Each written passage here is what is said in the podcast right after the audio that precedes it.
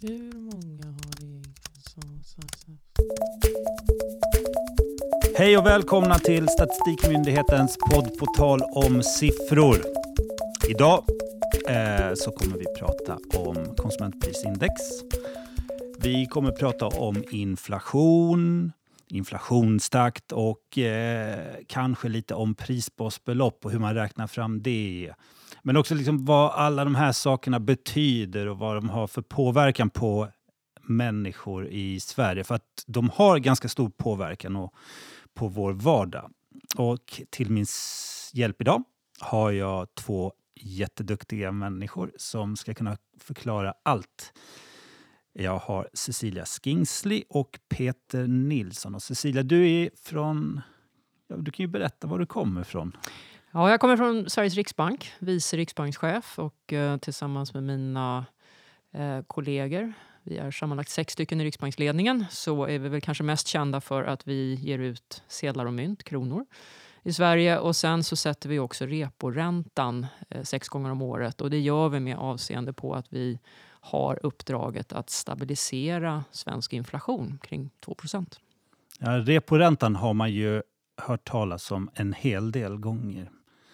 Om, eh, på- om det Vill du påverkar höra mycket, om det korta påverkar svaret på lite. vad det är för någonting så kan jag säga att det är ungefär Absolut. starträntan som eh, sätts för att eh, sen avgöra hur banker erbjuder, vilken nivå banker erbjuder på in och utlåningsräntor till företag och hushåll. Det är reporäntans roll. Jätte, jätteintressant. Och till min, på min andra sida så har jag Peter. Kan du övertrumfa att eh, ge ut pengar och eh, mynt och sedlar? Nej, det vet jag inte kanske, men eh, vi eh, gör vår del av saken och försöker mäta mer kanske hur eh, förändringen i priser, förändringen i priser helt enkelt. Ja, du måste berätta var du jobbar någonstans. Du glömde det. Just det, Peter Nilsson heter jag och jobbar på statistik, Statistikmyndigheten SCB. Ja, vi är ju kollegor. Det är vi. Det är vi. Och eh, jag jobbar på en enhet där som eh, tar fram prisstatistik, så enheten för prisstatistik. Och vi har eh, flera produkter. Som är, som är största produkten är KPI, då, konsumentprisindex. Vi har även producentprisindex, PPI, som mäter prisförändringar i företagsled. Men även PPP, jämför prisnivåer mellan olika länder. Och även faktorprisindex som mäter kan man säga, kostnadsutvecklingen för olika faktorer för att bygga hus. Enkelt sagt. Det är därför det heter faktorprisindex. Ja, ja. Du, Peter, vi ska inte prata faktorprisindex, vi ska prata konsumentprisindex. Och för den oinvigde, vad är KPI? Ja, men KPI är ju eh, ett mått på levnadskostnader, vad det kostar att eh, förändringen i kostnader för, för eh, personer i samhället. Så att det mäter hur mycket måste mina inkomster ändras givet att priserna ändras kan man säga. Enkelt sagt. Så att det, det mäter ju prisförändringarna på, på, på ja, Både på varor och på tjänster? allt som vi, som vi köper som konsumenter täcks mer eller mindre. Det, täckning är väl kanske 95 procent av allt som vi konsumerar. Är ungefär. det någonting som inte täcks av konsumentprisindex? Ja, det är det väl. Det, det är inte så många saker, men sånt som är väldigt svårt. Till exempel eh, konst är inte, inte med. Det är väldigt svårt att mm, konstant hålla vad, vad själva nyttan av konst är över tid. Jag vet ju att den svarta sektorn, alltså eh, droger och narkotika och eh, ja, svart arbetskraft, den finns ju med i, när vi räknar fram bruttonationalprodukten i, i nationalräkenskaperna.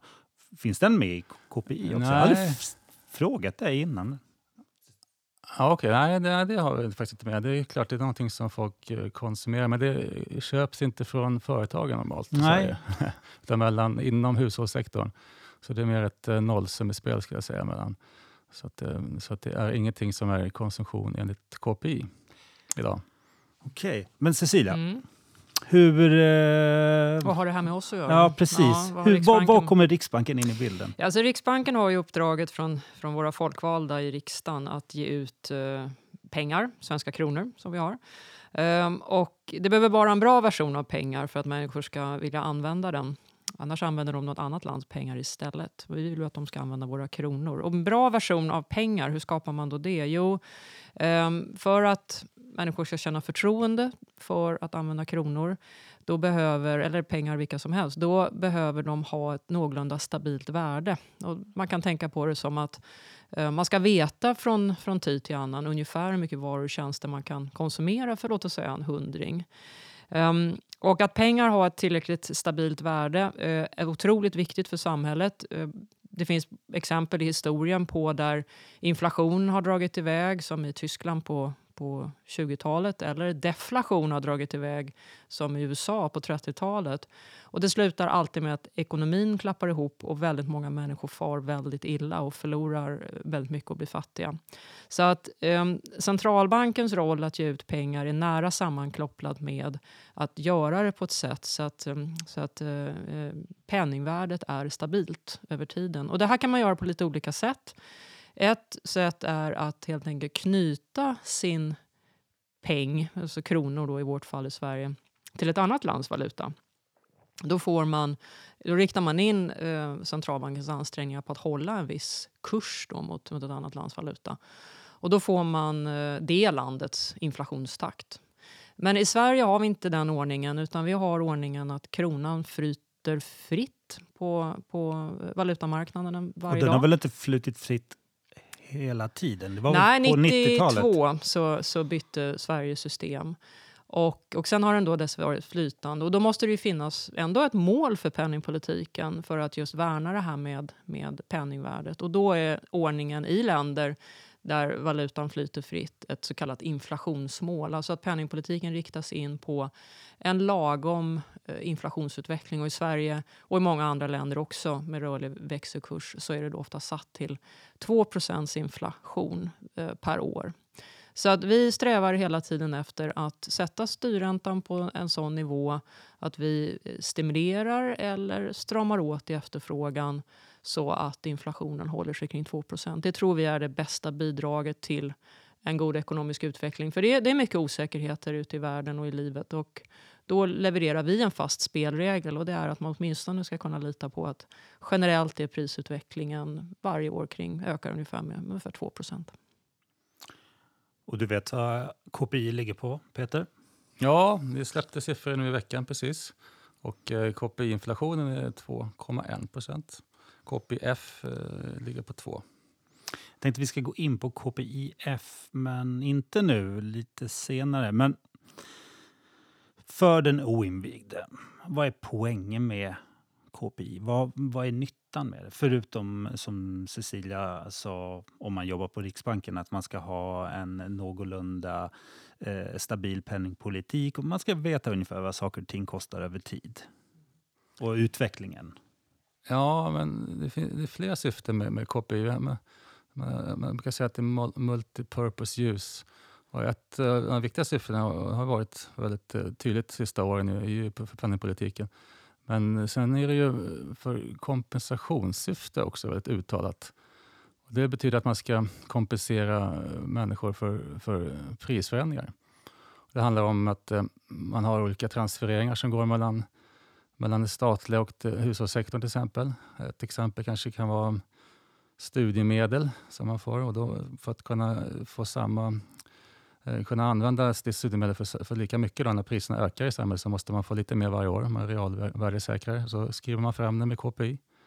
Ett annat sätt, om man tittar åt andra hållet, kan vara att man, eh, ja, för att en skatt kanske som uttryckt i kronor per liter tänker sig någon energiskatt på bensin till exempel, den måste också öka lite grann varje år om, om priserna eh, förändras. Eh, jag har faktiskt på en eh, stämma i min bostadsrättsförening föreslagit att man ska eh, ha arvodena för styrelsemedlemmar kopplade till eh, inflationstakten, att de ska då höj, öka med den. Inte att de ska sjunka om, om, om, om, om det är negativa siffror, men jag har fått kalla handen Ja, okay. men jag vet faktiskt inte varför. Jag är inte med i styrelsen själv. Ja, okay. ja, men det är annars rimligt tycker jag. Jag har faktiskt varit i samma läge en gång i tiden och uh, höjt handen och uh, krävt det. Nu jobbar jag med de här sakerna så jag tyckte det var rimligt av den anledningen också. Men, men gick det, det, bra för dig? Det gick bra. Och uh, jag tycker att det, det, är också en användning som är väldigt stor, att man har olika avtal arvoden eller andra avtal inom, inom eh, ja, på, på privata sektorn också som är knutna till, till, till KPI. Eh, så det, det, är också en stor användning. En annan användning som jag inte nämnde var att man använder det för att kunna räkna tillväxtsiffror bra. Man, man räknar helt enkelt, äh, deflaterar konsumtionen för att kunna räkna volymförändringar på ett korrekt sätt. Så det är också en väldigt viktig, som lite dold användning kanske, som är viktig för ekonomin. Jag hängde inte med på det där eh, sista. Nej. Det, det hjälper SCB att räkna rätt så att eh, både politiker och myndigheter kan fatta klokare beslut jämfört med om siffrorna skulle vara fel. Det gäller ju hela tiden när man är beslutsfattare att ha så bra statistik som möjligt att utgå ifrån. Så det är jätteviktigt att SCB gör på det sättet. Vad bra. Tack för att du hjälpte mig där.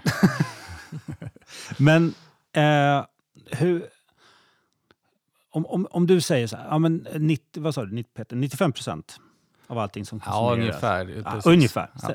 ungefär 95 procent samlas in. Men hur, hur, samlas det in? Jag vet ju att det finns någonting som vi kallar för kassaregisterdata, att, det, att vi får in en hel del siffror den vägen. Men eh, tänkte, kan du berätta hur, hur, hur man gjorde, eller fortfarande gör väl eh, till viss del?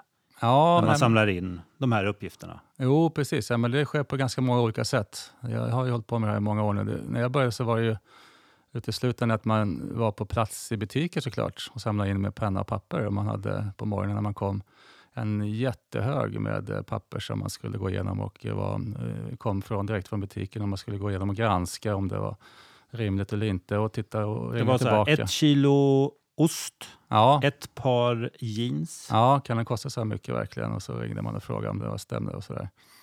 Så att, men idag har vi ju såklart en hel, vi har fortfarande en hel del insamling i butiker på plats. Men det har blivit allt mer ehm, ja, digitala sätt att samla in. Det, det, som du nämnde, kassaregistrerdata, är att man har helt enkelt... Ehm, man kan väl ta ett exempel. Skillnaden mellan att gå då i butik och hitta en liter mjölk en viss eh, tid och en, en viss dag, en viss eh, klockslag till och med. Och nu så får vi då all mjölk som, som säljs, eh, eh alla sorters mjölk då, men också under hela månaden och alla transaktioner på, på, på, på den mjölken. Så att det är allt som passerar kassan kan man säga. Så att transaktionsdata är ju det som vi jobbar mer med nu. Ungefär 30 procent av KPI är idag faktiskt sån typ av transaktionsdata. Och det är också, en fördel med det är också att det är sånt som vi vet att de har köpt, så inte bara hyllpriset. Då. Även fast det är ungefär samma sak i de allra flesta fall så är det en fördel också. En annan sak som man brukar prata om är ju korgeffekten. Och, eh, och den brukar ju förändras eh, i början av varje år.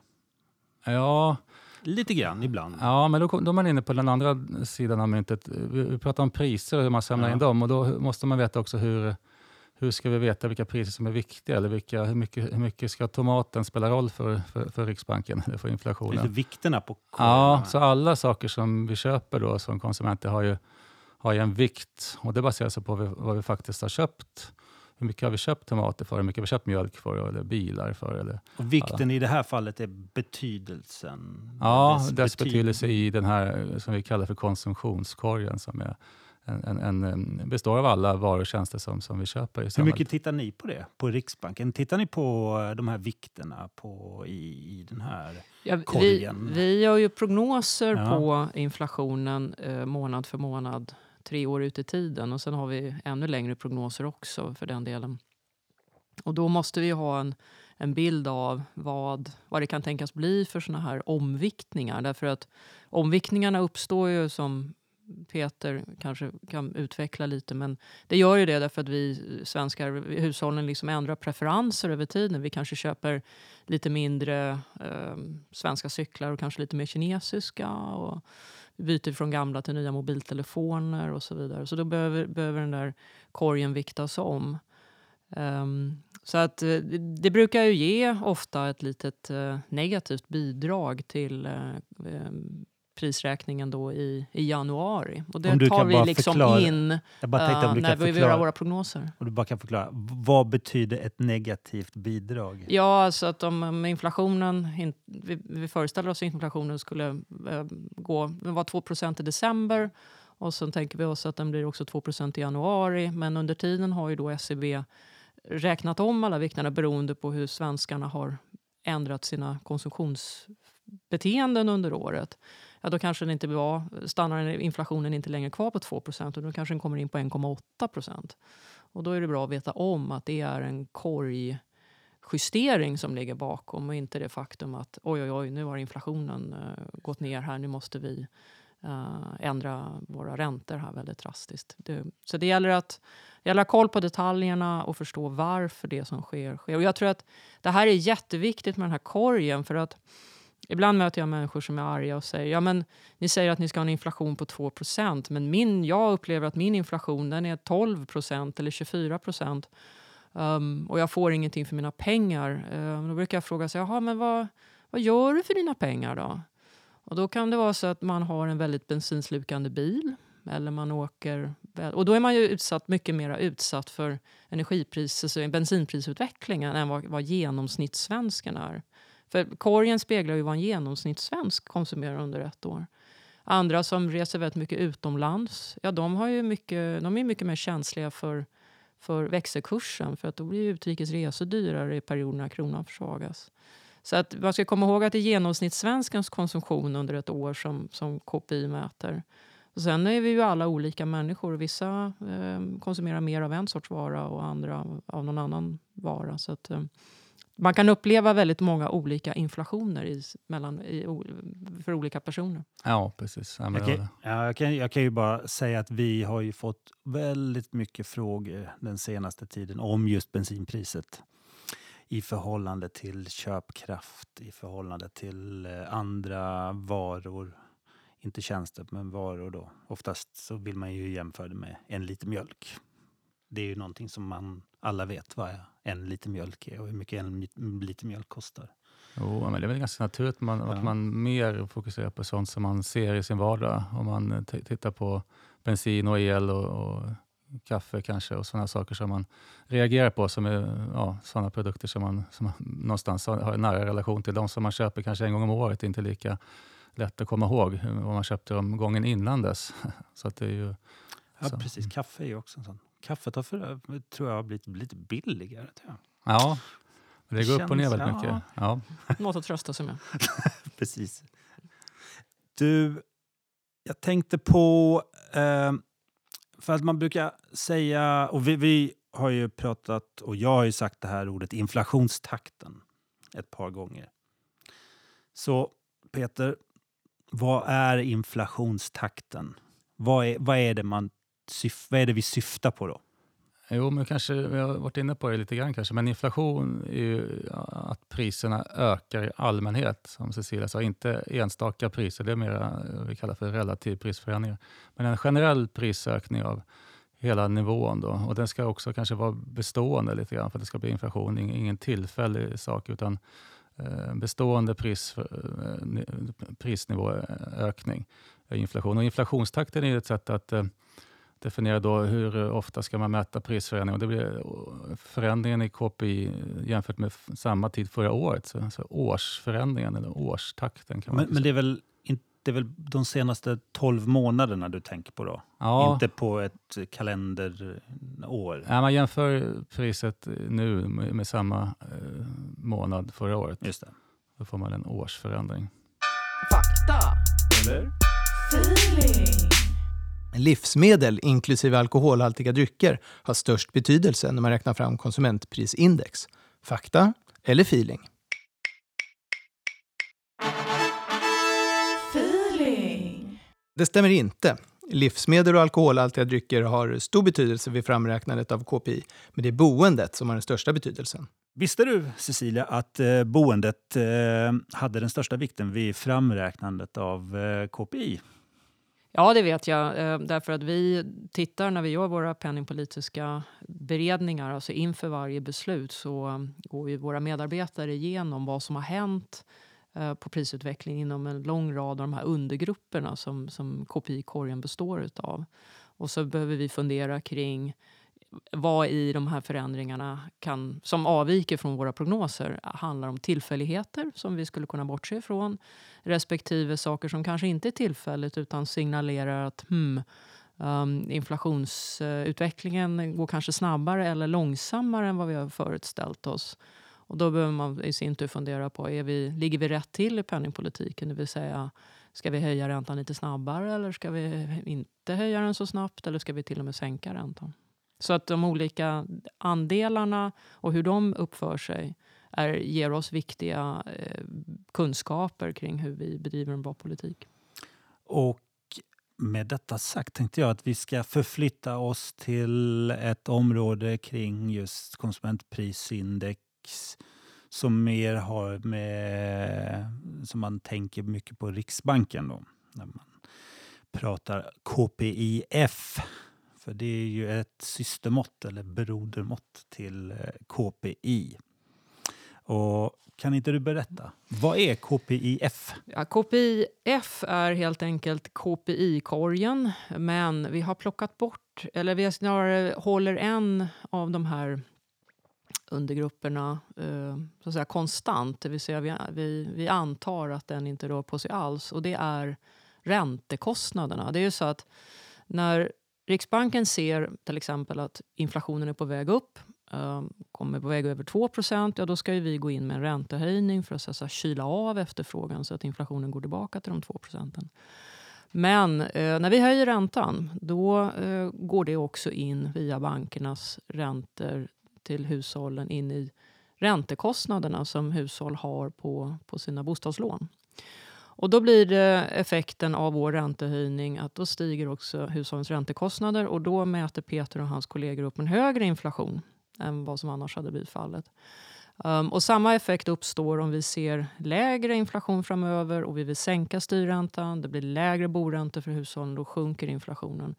Och då uppstår den här effekten att det vi gör så att säga, förstärker trenden i KPI. Och då uppstår det förvirring där ute i samhället. Vad är det Riksbanken håller på med? Måste de göra ännu mer nu med penningpolitiken? Och det är svårt att riktigt utvärdera om vi gör ett bra arbete eller ej. Så att det här har riksbanksledningarna vetat om länge och därför har vi de facto styrt efter den här systemåttet KPIF eh, snarare än KPI. Um, men om man läser vår penningpolitiska rapport, och då kan man läsa första sidan av vår penningpolitiska strategi som är bara en sida, så den är ganska trevlig att läsa. Där står det väldigt tydligt hur vi ser på det här och att det är just KPIF som vi, vi styr ut efter när vi sätter räntan. Och F står för då? Fast ränta. Just det. Mm. Men du berättade ju tidigare att inflationsmålet, det har, det har ni satt till 2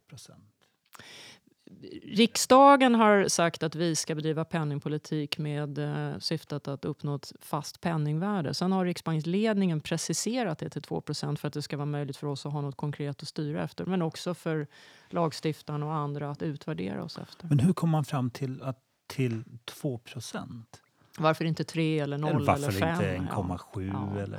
Det är en jättebra fråga. Eh, Ni får den kanske jätteofta. Det korta svaret är att vi vill ha en lagom inflationstakt eh, i Sverige. Och om jag utvecklar det lite grann så eh, vill vi inte ha ett inflationsmål som är högt, det vill säga vi pratar högt här 3, 5, 7, 8 procent. Är det högt? Det är högre Idag. än 2 därför att eh, ett högre inflationsmål då tenderar den faktiska inflationen att börja svänga mer. Och en, en svängig inflation, det är kanske en del äldre känner igen från 70-talet, att då blir det ganska mycket jobbigare med att fatta ekonomiska beslut för man vet inte riktigt, är inflationen 7, 5, 12 eller, eller 2 procent? Och det kunde exempelvis visa sig när man förhandlade om lönen att man tyckte man hade förhandlat ganska bra men sen hade ändå inflationen checkat upp köpkraftsförbättringen för den. Så att lagom låg inflation är bra. 2% är den eh, mål som i stort sett alla västerländska centralbanker, moderna ekonomier med rörlig växelkurs har. Så att vi, vi, vi är ungefär som andra. Vi, så här gör amerikanarna, det här gör britterna. 2 också. Europeiska centralbyrån, ja, Norge, Schweiz och så vidare. Um, jag, jag, jag, förstår att man inte ska ha jättehög inflationstakt. Det, det förstår väl de allra flesta, eller tycker det. Men varför kan man inte ha en lägre inflationstakt? Kanske närmare noll? Ja, det finns en del som tycker att man borde ligga på noll snarare än 2 eh, Jag tycker det finns flera argument som gör att 2% ändå är bättre än, än en lägre inflationstakt mål. Först och främst så är det så att när eh, priser mäts i ekonomin månad för månad då gör ju Statistiska centralbyrån också kvalitetsjusteringar. Um, så att får man en lite bättre mobiltelefon än den man ägde, köpte förra månaden uh, ja, då redovisas det som, en, som ett lite lägre pris, uh, enkelt uttryckt. Um, och uh, har vi då en 0 inflationstakt, eller inflationsmål Eh, då kommer man eh, oftare att hamna i situationen att SCB mäter upp negativa priser just på grund av att det ofta sker kvalitetsförbättringar, framförallt i varor. Um, och fallande priser uh, är uh, bekymmersamt. Det kan leda tankar till deflation och dåliga tider. Så att, um, att ha 2% inflationsmål istället för noll, då tar man lite höjd så att säga, för den här typen av kvalitets justeringar som, man, som kan då dämpa den uppmätta prisökningstakten.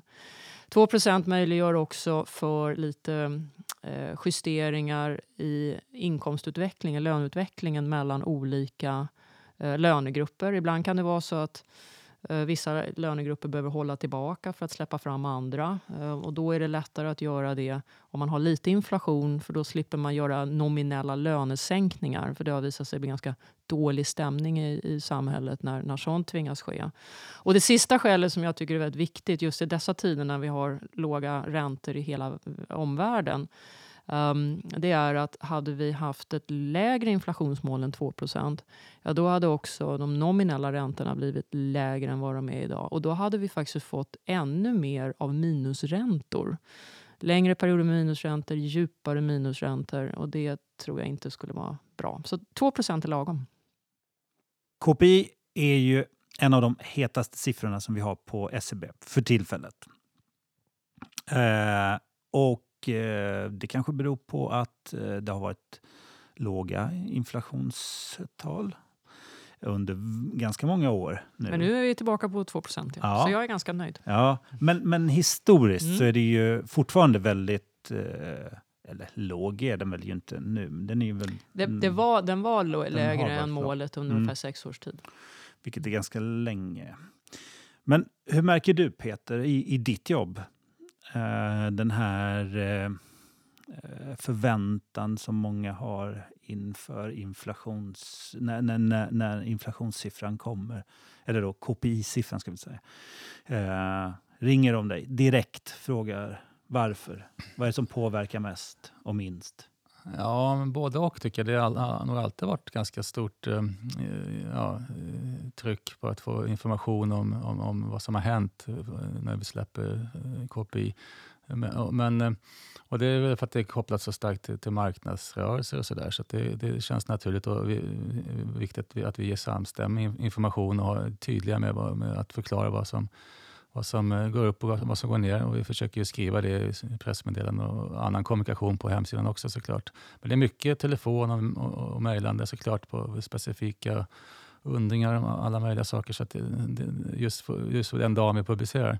Men annars är KPI så, så ett brett mått. Eh, så oerhört många olika typer av användare, vilket man inte får glömma bort. Inte bara eh, penningpolitiken som, som använder KPI, utan vi har ju all, allt ifrån eh, från eh, ja, studenter och skolklasser och dagis som ska, skri skriva fram. Eh, för någon, någon, dag sedan hade jag någon som skulle skriva fram sin budget för, eh, för, ja, för matkostnader på något sätt. KPI ville ha hjälp med det.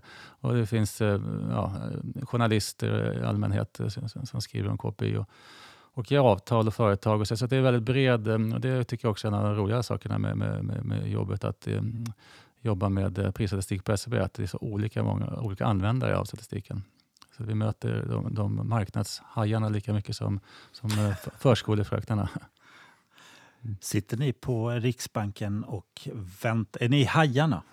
Nej, Nej, men det är klart att vi alltid tittar på nästa siffra som, mm. siffran som kommer. Och uh, det, våra analytiker går igenom det på Riksbanken och sen så eh, börjar vi liksom dra slutsatser. Har vi, första frågan är naturligtvis, blev det ungefär som vi hade prognostiserat?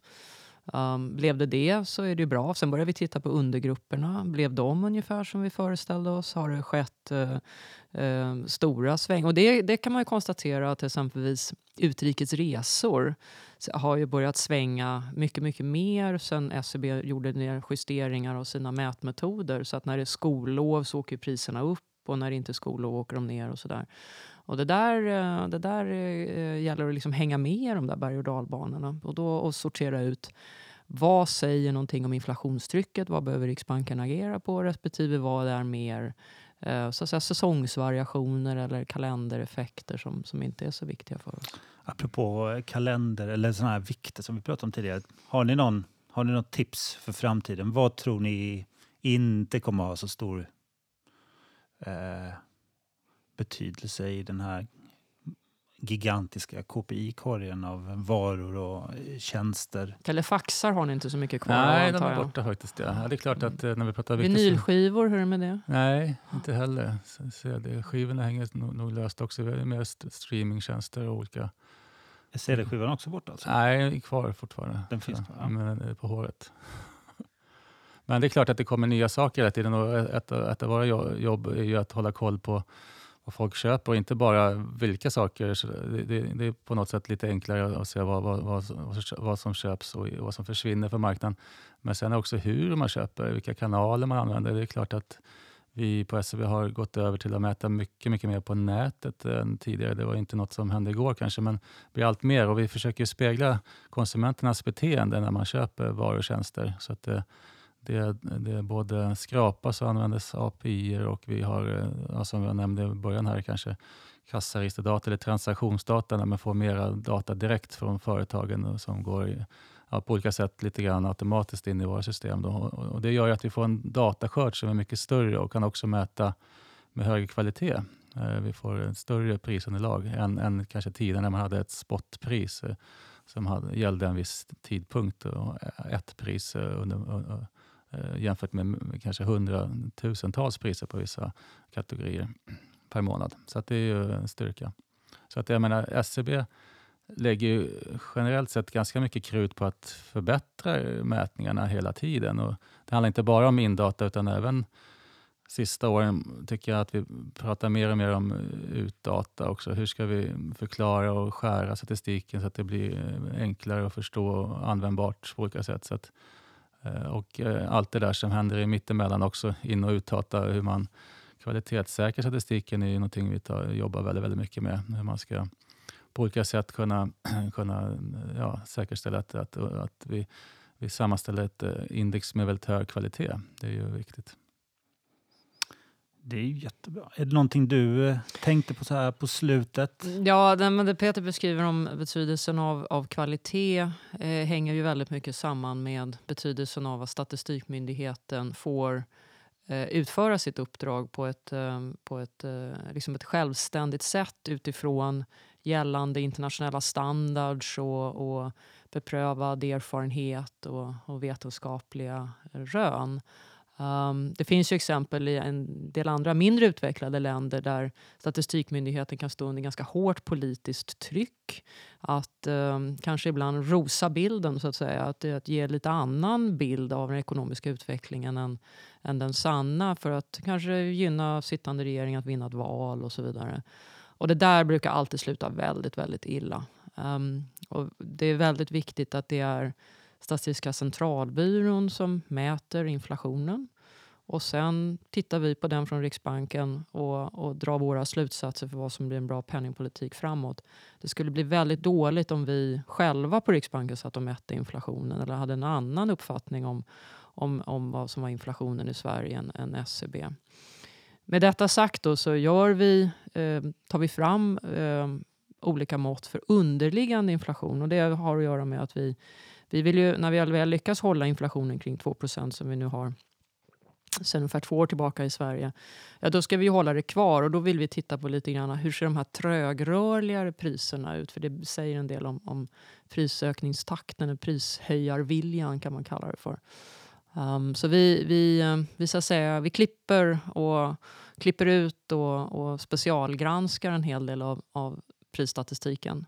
Men det är alltid eh, KPIF som vi, vi siktar emot och som vi utvärderas emot. Och det är det alltid SCB som mäter på, på, utifrån sina kunskaper och premisser för hur man gör det här på bästa sätt.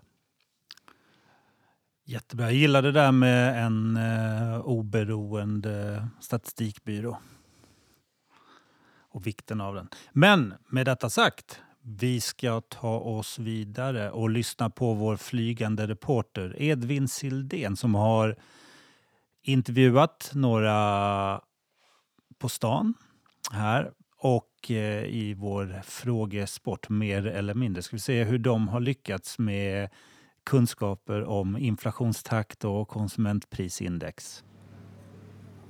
Ja, hejsan Nissar. Jag står här på eh, Kulturhuset med Klara och Magnus. Hej Magnus. Hejsan. Och hej Klara. Hej hej.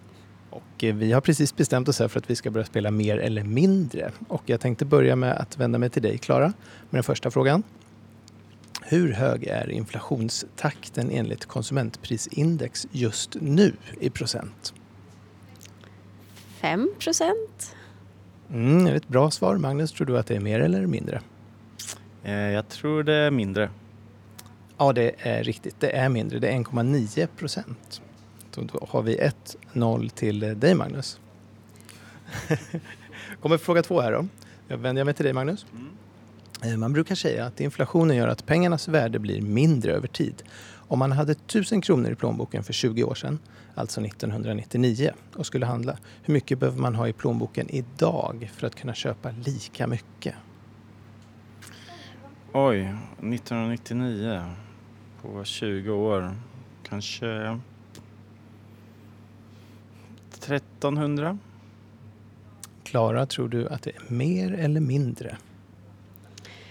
Mm, mindre. Ja, det är mindre. Det är 1285 kronor. Så det var ju en riktigt bra chansning, Magnus. Då har vi 1-1, va? Fråga tre. Vänder mig till dig, Klara.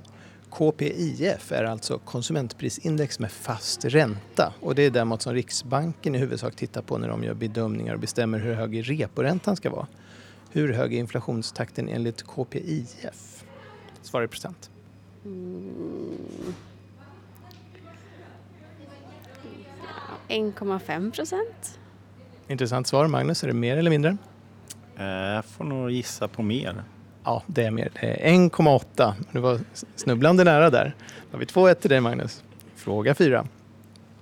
Prisbasbeloppet beräknas fram av oss på SCB e varje år och används bland annat inom socialförsäkringen, skattesystemet, pensionssystemet och för vissa försäkringar för att justera för inflationen. Hur högt, Magnus, eh, är prisbasbeloppet för 2019? Oj. Um, vet inte om jag någonsin har hört talas om prisbasbelopp. Jag bara chansar på 2000. Jag har inte en aning. Det är en bra chansning. 2000 kronor. Klara, tror du att det är mer eller mindre? Ja, kanske mindre. Nej, det är mer. Det är 46 500 kronor som är prisbasbeloppet. Det är ju i princip omöjligt att veta för en, för en lekman. Vad har vi då? 3-1 till dig Magnus, va? Vad säger ni, ska vi köra sista frågan ändå? Ja. Då gör vi det. det gör vi. KPIs basår är ju som bekant 1980. Det var alltså då KPI var 100. Men vad ligger KPI på idag? Ja, kan det vara 140? En bra chansning. Magnus, är det mer eller mindre tror du? Eh, 120 tänkte jag, så jag säger mindre då. Ja, det är 334,11. Så det är mer. Ja, och det var ju den sista frågan där och då tror jag vi slutar med 3-2 till, till dig Magnus. Så stort grattis, men, men grattis till er båda för, för jättefina svar. Tack ska ni ha. Tack, tack. Och över till, till dig i studion Nissa. Uh, ja, de var jätteduktiga. Tycker jag i alla fall. Visste du Cecilia att, uh, eller vad tyckte ni? Ja. Ja. Nej, men absolut. Visste du att eh, prisbasbeloppet låg på 46 500 kronor? Nej, det har jag faktiskt inte haft anledning att titta på de allra senaste åren. Men jag jobbade på Finansdepartementet på 90-talet och hade jag koll på siffran. Och du Peter, du eh, Vet du hur mycket det höjdes med? En Ja, här tilläggsfråga. jag tror att det var med 1000 kronor ungefär. Ja. Det Ja. regleras ju med juni-inflationen, alltså juni, juni, förändringen i KPI mellan juni och juni. Det stämmer. ganska tydlig ändring för en gångs skull.